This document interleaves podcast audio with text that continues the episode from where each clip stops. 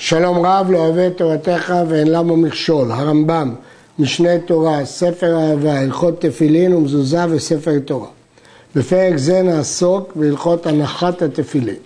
היכן מניחים התפילין? של הראש, מניחים אותם על הקודקוד, שהוא סוף השיער שכנגד הפנים, והוא המקום שמוחו של התינוק רופס בו, וצריך לכוון אותן באמצע. כדי שיהיו בין העיניים ויהיה הקשר בגובה העורף שהוא סוף הגולגולת. אם כן, כנגד הפנים, לכיוון הפנים, מעל המצח, מקום שמוחו של תינוק רופס, המקום הרך בגולגולתו של תינוק בחודשים הראשונים של חייו. הגמרא, במסכת מנחות, תנא דבי מנשה בין עיניך זו קודקוד. איך? מקום שמוחו של תינוק רופס. גובה שבראש, נאמר כאן בין עיניך ונאמר להלן ולא תשימו כורחה בין עיניכם למת. מה להלן בגובה שבראש מקום שעושה כורחה, כי אם זה בין העיניים ממש אין שם שיער, אף כאן בגובה של ראש מקום שעושה קרח. וכתוב אה, קשר תפילין צריך שיהיה למעלה. ושל יד, קושר אותה על סמולו על הכיבורית. והוא הבשר התפוח שבמרפק בין פרק הכתף ובין פרק הזרוע. כן, המרפק הוא שם העצם שהקצה של אחד הוא פרק הכתף, חיבור הזרוע אל הגוף, הקצה השני פרק הזרוע. ונמצא כשהוא מדבק מרפקו לצלעיו, תהיה תפילה כנגד ליבו ונמצא מקיים והיו הדברים על לבביך. בגמרא כתוב, ובספרי כתוב, על ידך בגובה שביד. אתה אומר בגובה שביד, או אינו אל ידך כמשמעו, הואיל ואמרה תורה תן תפילין בראש, תן תפילין ביד, מה בראש בגובה שבראש, אף ביד בגובה שביד. והמקום הזה נאמר בגמרא במחות, אמר מר ידך זו קיבורת, וכתוב שם רבי חייא ורב אחא ברא דרב עביה מכוון ומניח לה להדה ליבה, מכוון כנגד הלב. הרמב"ם בתשובה אומר, ההוא הבשר התופח שבמרפק.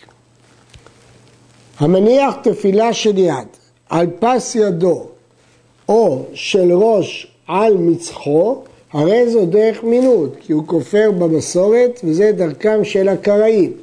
העושה תפילתו עגולה כאגוז, אין בה מצווה כלל.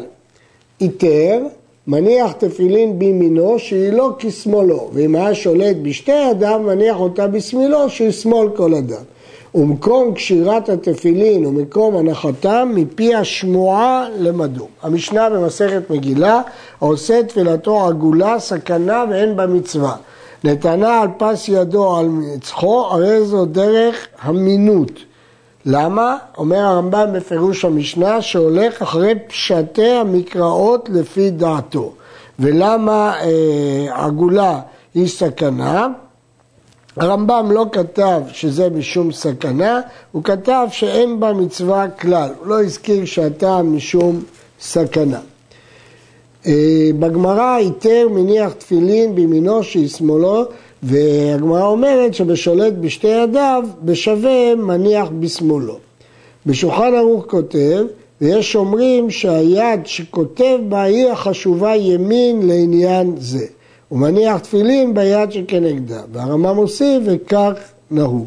כלומר הולכים אחרי היד החזקה והדומיננטית שבאדם ויש שאלה אם יש יד חזקה לשאר עניינים, ולעניין כתיבה היד השנייה, האם הולכים לפי הכתיבה או הולכים לפי החוזק של היד.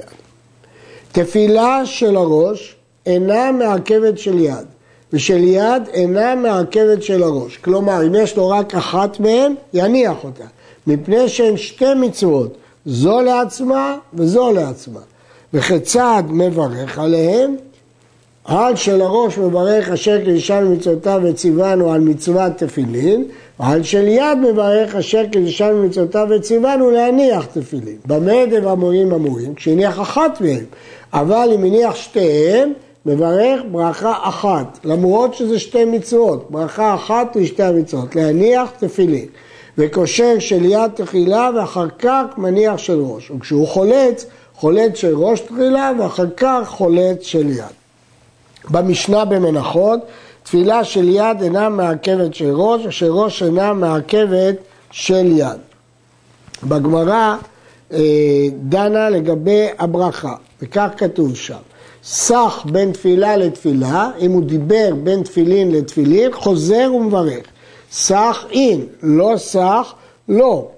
אומרת הגמרא, איך ייתכן, רבי יוחנן אומר שעל תפילה של יד אומר להניח ושל ראש על מצוות תפילין, אביה ורבא דאמרת רביו תרצו, לא סח מברך אחת, סח מברך שתיים.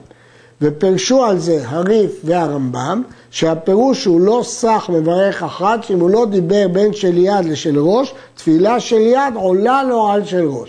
ואם הוא דיבר ביניהם, צריך לברך ברכה אחת על של יד ואחת על של ראש. ש... סך הכל מברך שתיים.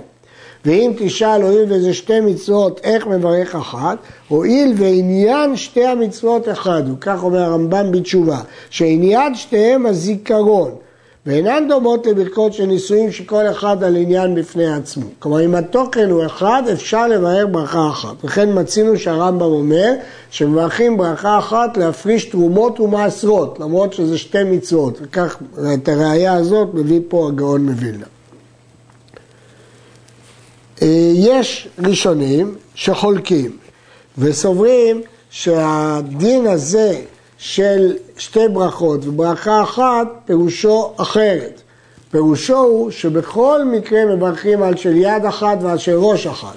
אלא שאם מוסך, אז הוא חוזר על של ראש שתי ברכות, גם להניח תפילין וגם על מצוות תפילין. מי שברק להניח תפילין וקשר תפילין של יד, אסור לו לספר.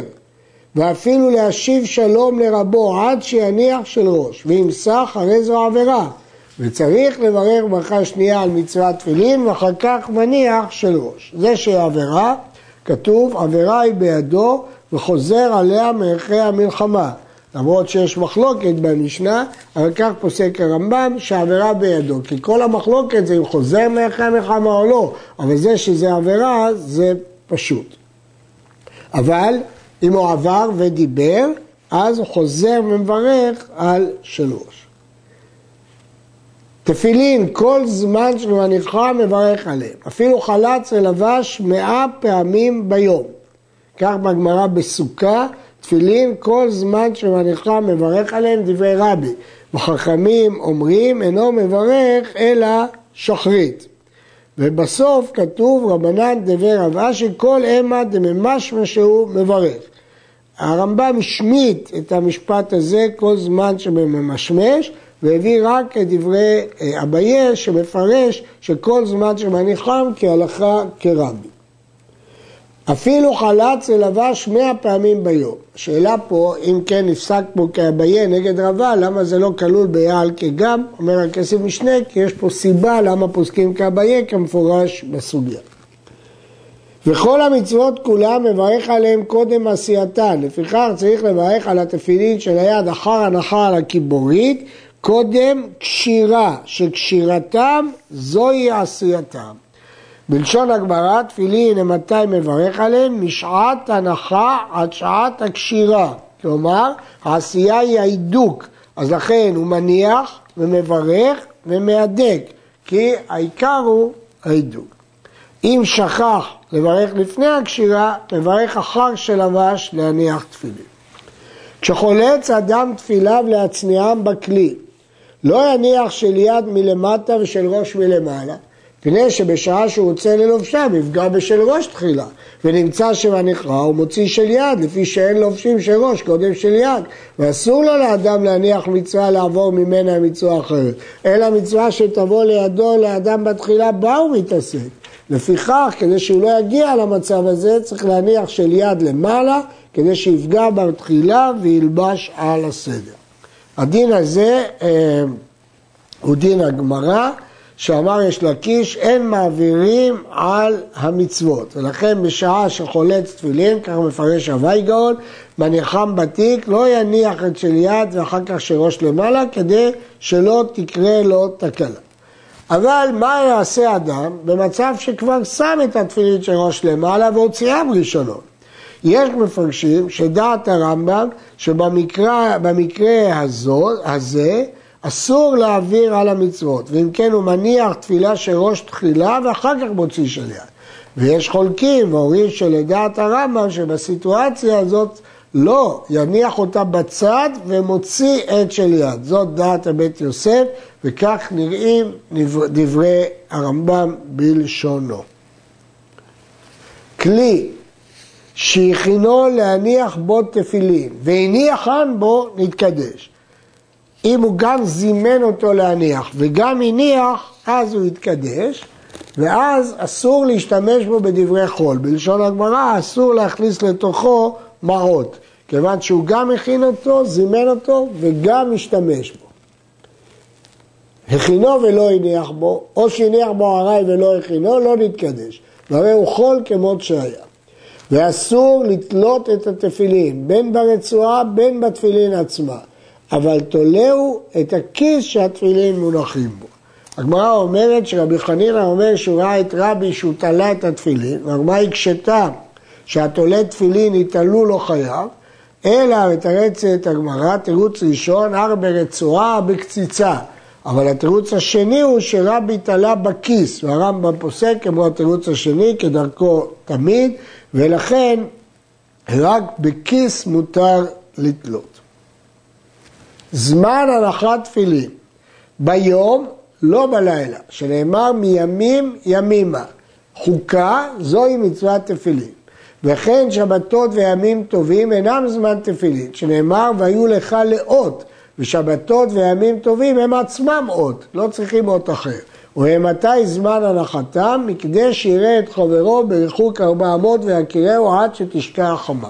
לכן יש פה שלוש הלכות. הלכה ראשונה, לילה לאו זמן תפילין, מימים ימימה. הלכה שנייה, שבת ויום טוב לאו זמן תפילין, כי הם בעצמם אות ולא צריך אות בתוך אות. כל אלה דברי המחילתא פה אה, ובגמרא בעירובין. ולגבי אה, הלכה שלישית, ממתי מתחילה זמן ההלכה, הרמב"ם הצמיד את זה כמו קריאת שמע לדעת אחרים, כתוב ממתי קוראים את שמע בשחרית, אחרים אומרים מי שיראה את חברו רחוק ארבע אמות ויכירנו. ואמר אבונה הלכה כאחרים, אמר אביי לתפילין כאחרים. אז כיוון שהרמב"ם גורס לתפילין כאחרים, אז אם כן זה מי שיכיר את חברו עד שתשקע החמה. הבית יוסף דן לגבי השאלה של חול המועד.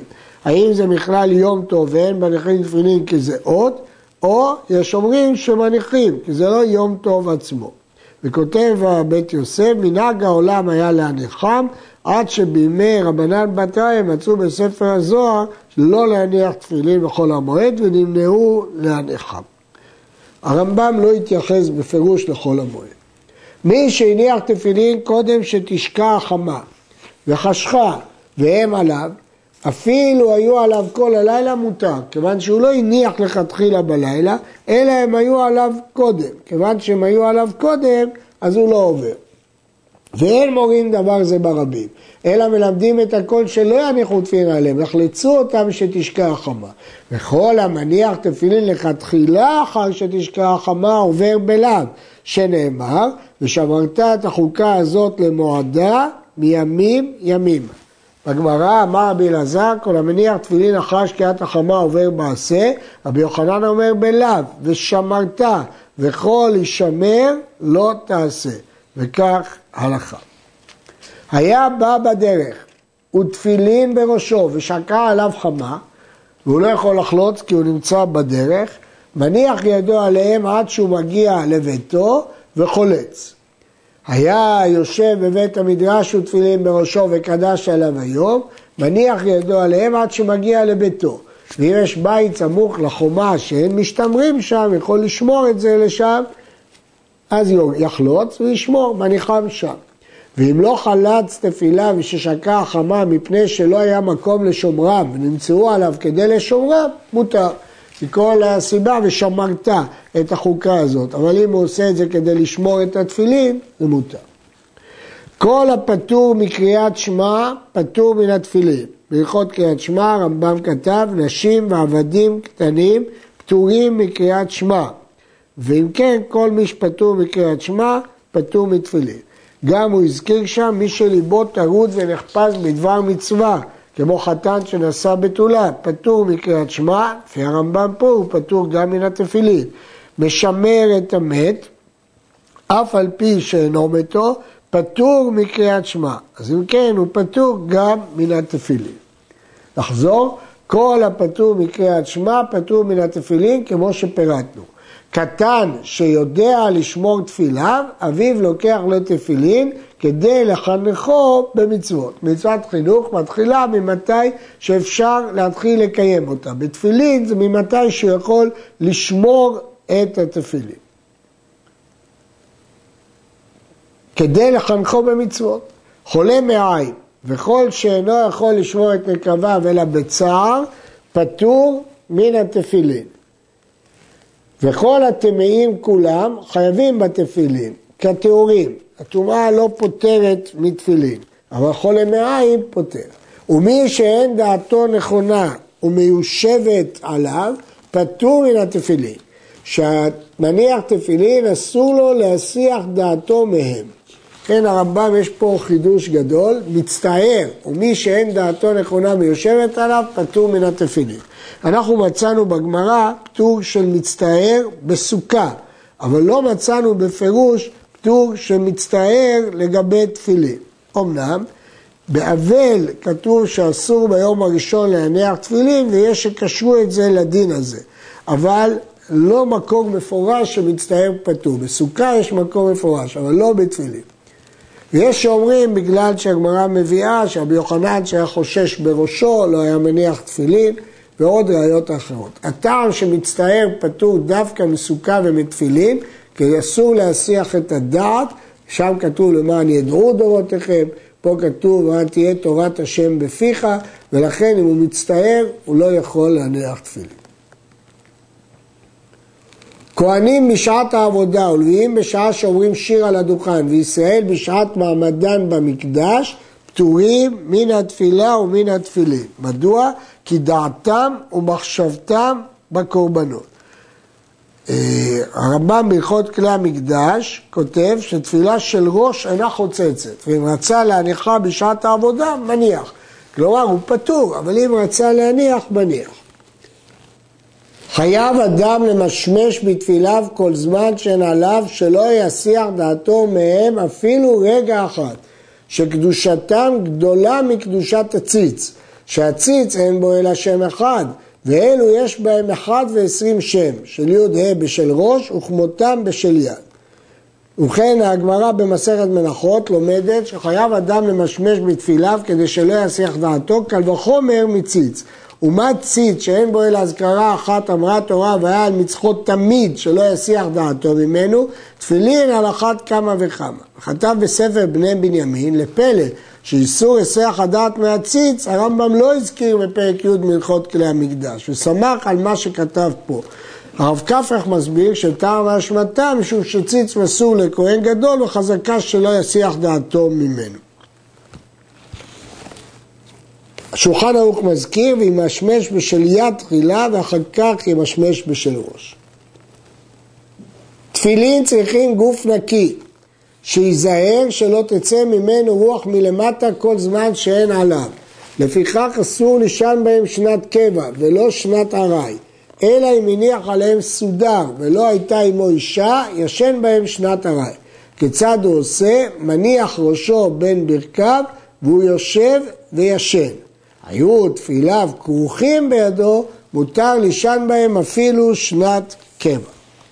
בגמרא, תפילין צריכים, שבת, תפילין צריכים גוף נקי כאלישע בעל כנפיים.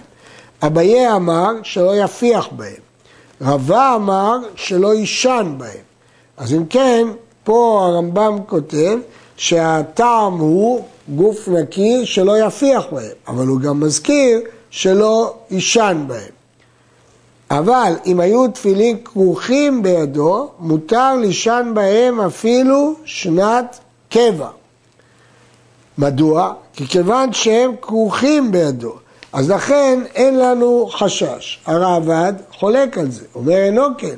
כל זמן שהם בידו לא יישן מהם כלל שמא יפלו מידו. אבל הרמב"ם הסביר שמה שכתוב נקית לבידי הוא יכול לשן בין שנת קבע בין שנת ארעי והסיבה מפני שזה כרוך בידו. ואינו אוכל בהם אלא אכילת ארעי, אבל אם נכנס לסעודת קבע, חולצן ומניחם על שולחנו עד שיטול ידיו, ואחר כך יניחם ויברך על מזונו, והוא לבוש בהם. כתוב הנכנס לסעודת קבע, חולץ תפילה ואחר כך נכנס. ופליגי דרבי חייא, דאמר בחייא, מניחם על שולחנו וכן הידור לו, עד אימת, עד זמן ברכה. אה, על הדין שמותר לאכול תפילין אכילת ארעי, כתב ברוך השולחן, נראה שזה לפי מנהגם שהלכו כל היום בתפילין. אבל לדידן, שאנחנו לא הולכים כל היום בתפילין, נראה לו שלא נכון גם אכילת ארעי בתפילין. אבל הרמב"ם התיר אכילת ארעי. היה לבוש תפילין והוצרח לבית הכיסא. לא יניח תפיליו בחורים הסמוכים לרשות רבים וייכנס, שמא יתלום עוברי דרכים. כיצד יעשה? אפילו הוצרך לשתין מים, חולץ תפיליו בריחוק ארבע אמות וגוללן בבגדו כמין ספר תורה ואוחזן בימינו כנגד ליבו וייזהר שלא תצא רצועה מתחת ידו טפח ונכנס ועושה צרכיו וכשיצא מרחיק ארבע אמות מבית הכיסא ולא שם. במה דברים אמורים? בבית הכיסא קבוע שאין ניצוצות נוצות עליו, על בית הכיסא ארעי לא ייכנס בהם כשהם גלולים, אלא חולצם ונותנם לחברו לשומרם. ואין מרגליים קלים אפילו בבית הכיסא קבוע, אלא בישיבה. ואם היה עפר תוכח, אפילו בעמידה. היה מקום קשה, יעמוד במקום מדרון, כדי שלא ינדזו צרורות עליו. היה לבוש בתפילה, והוצרק לבית הכיסא לעת ערב, ולא נשאר מן היום כדי ללובשם אחר שיוצא, לא ייכנס בהם גלולים בבגדו ואפילו להשתין מים בבית הכיסא קבוע. אלא כיצד יעשה? חולצם, מניחם בחיל ים אם היה בו טפח, או בכלי שאינו כליין, אף על פי שאין בו טפח, ואוחז הכלי בידו ונכנס. וכן אם הוצרח בלילה, מניחם בכלי ואוחז הכלי בידו ונכנס. הטעם הוא שכאשר יש טפח, יש חלל, זה נחשב כאוהל וזה חוצץ בינו לבין בית הכיסא. או אם זה כלי שהוא לא כליין, אז בוודאי שזה חוצץ. כל הסוגיה הזאת נמצאת בגמרא במסכת ברכות, תנו רבנן, נכנס לבית הכיסא, חוצה, חולץ תפילה בריחוק ארבע אמות ונכנס, ושם בגמרא לא שנו לבית הכיסא קבוע, בית הכיסא הרע, חולץ ונפנה לאלתר וכדומה. כל הסוגיה אה, מופיעה שם. הלשון הרמב"ם, בית הכיסא הארעי לא ייכנס בהם, הרב עד השיג, שנראה בגמרא, דבית הכיסא הארעי משתין בהם ותפילין בראשו. אה, לפי הרמב"ם משמע שאסור להיכנס בתפילין בכל מצב לכל בית הכיסא.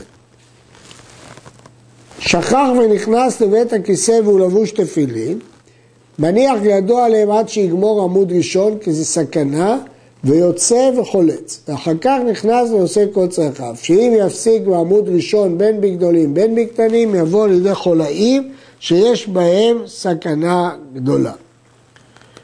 בגמרא כתוב, שכח ונכנס בתפילין עשה, מניח ידו עליהם עד שיגמור, עד שיגמור סלקא דתך, אלא עד שיגמור עמוד ראשון. ואז התירו לו לצאת החוצה, ואז הוא חולץ. שכח ושימש מיטתו בתפילה, הרי זה לא יאחוז לא ברצועה ולא בקציצה עד שייטול ידיו ויתלם, מפני שהידיים עסקניות. הידיים עסקניות מרבות למשמש, שמא הנהגה ולא ידע, ולכן צריך נטילת ידיים, ואז הוא יוכל ליטול את התפילין. הנכנס למרחץ, מקום שבני אדם עומדים לבושים, מותר להניח תפילין. מקום, ומקום שבני אדם עומדים שם מקצתם ערומים, מקצתם לבושים, אינו חולץ תפילה ואינו מניח שם תפילין לכתחילה. מקום שבני אדם עומדים ערומים, חולץ תפילה ואין צריך לומר שאינו מניח. בימיהם המנהג היה שהיה ברחץ, היו בו שלושה חדרים, הפנימי שרוחצים בו ומזהים בו, שעומדים ערומים, האמצעי שלובשים והחיצוני שמסיימים את הלבוש. ולכן בחיצוני מותר כי בני אדם לבושים, באמצעי זה מצב ביניים שהוא לא חולץ ולא מניח, ובפנימי כמובן שהוא גם לא יחלוץ וגם לא יניח.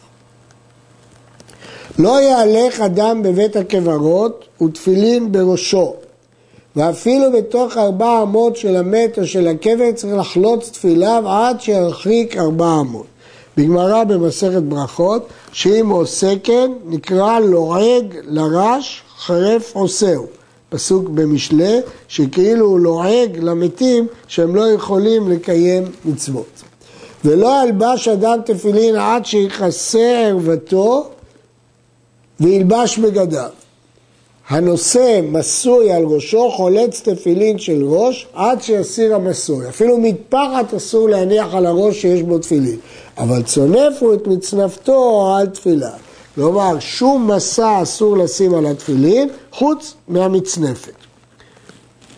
בגמרא כתוב, היה, לא יאחוז ספר כשהוא ערום, כתוב היה נושא מסוי של תפילין, שעל ראשו בראשו תפילין, אה, משום דבשילה אמרו אפילו מטפחת אסור להניח על הראש שיש בו תפילין. אם זה דרך מסוי. אבל מצנפת וכובע וכיוצא בו מותר. בית שיש בו תפילין או ספר תורה, אסור לשמש בו מיטתו עד שיוציאם. הוא לא יכול לחיות חיי אישות בחדר שיש בו תפילין, עד שיוציא אותם, או יניחם בכלי ויניח הכלי בכלי אחר שאינו כליין. אבל אם היה הכלי השני מזומן להם, אפילו היו עשרה כלים, ככלי אחד הם חשובים. ואם הניח כלי בתוך כלי, מותר לו להניחם תחת מרעשותיו בין קר לחסד שלו כנגד ראשו, כדי לשומרם, ואפילו אשתו עמו במיטה. אם כן, כדי לשומרם, כלי בתוך כלי, בין קר לכסת שלא כנגד ראשו. אלה הם התנאים.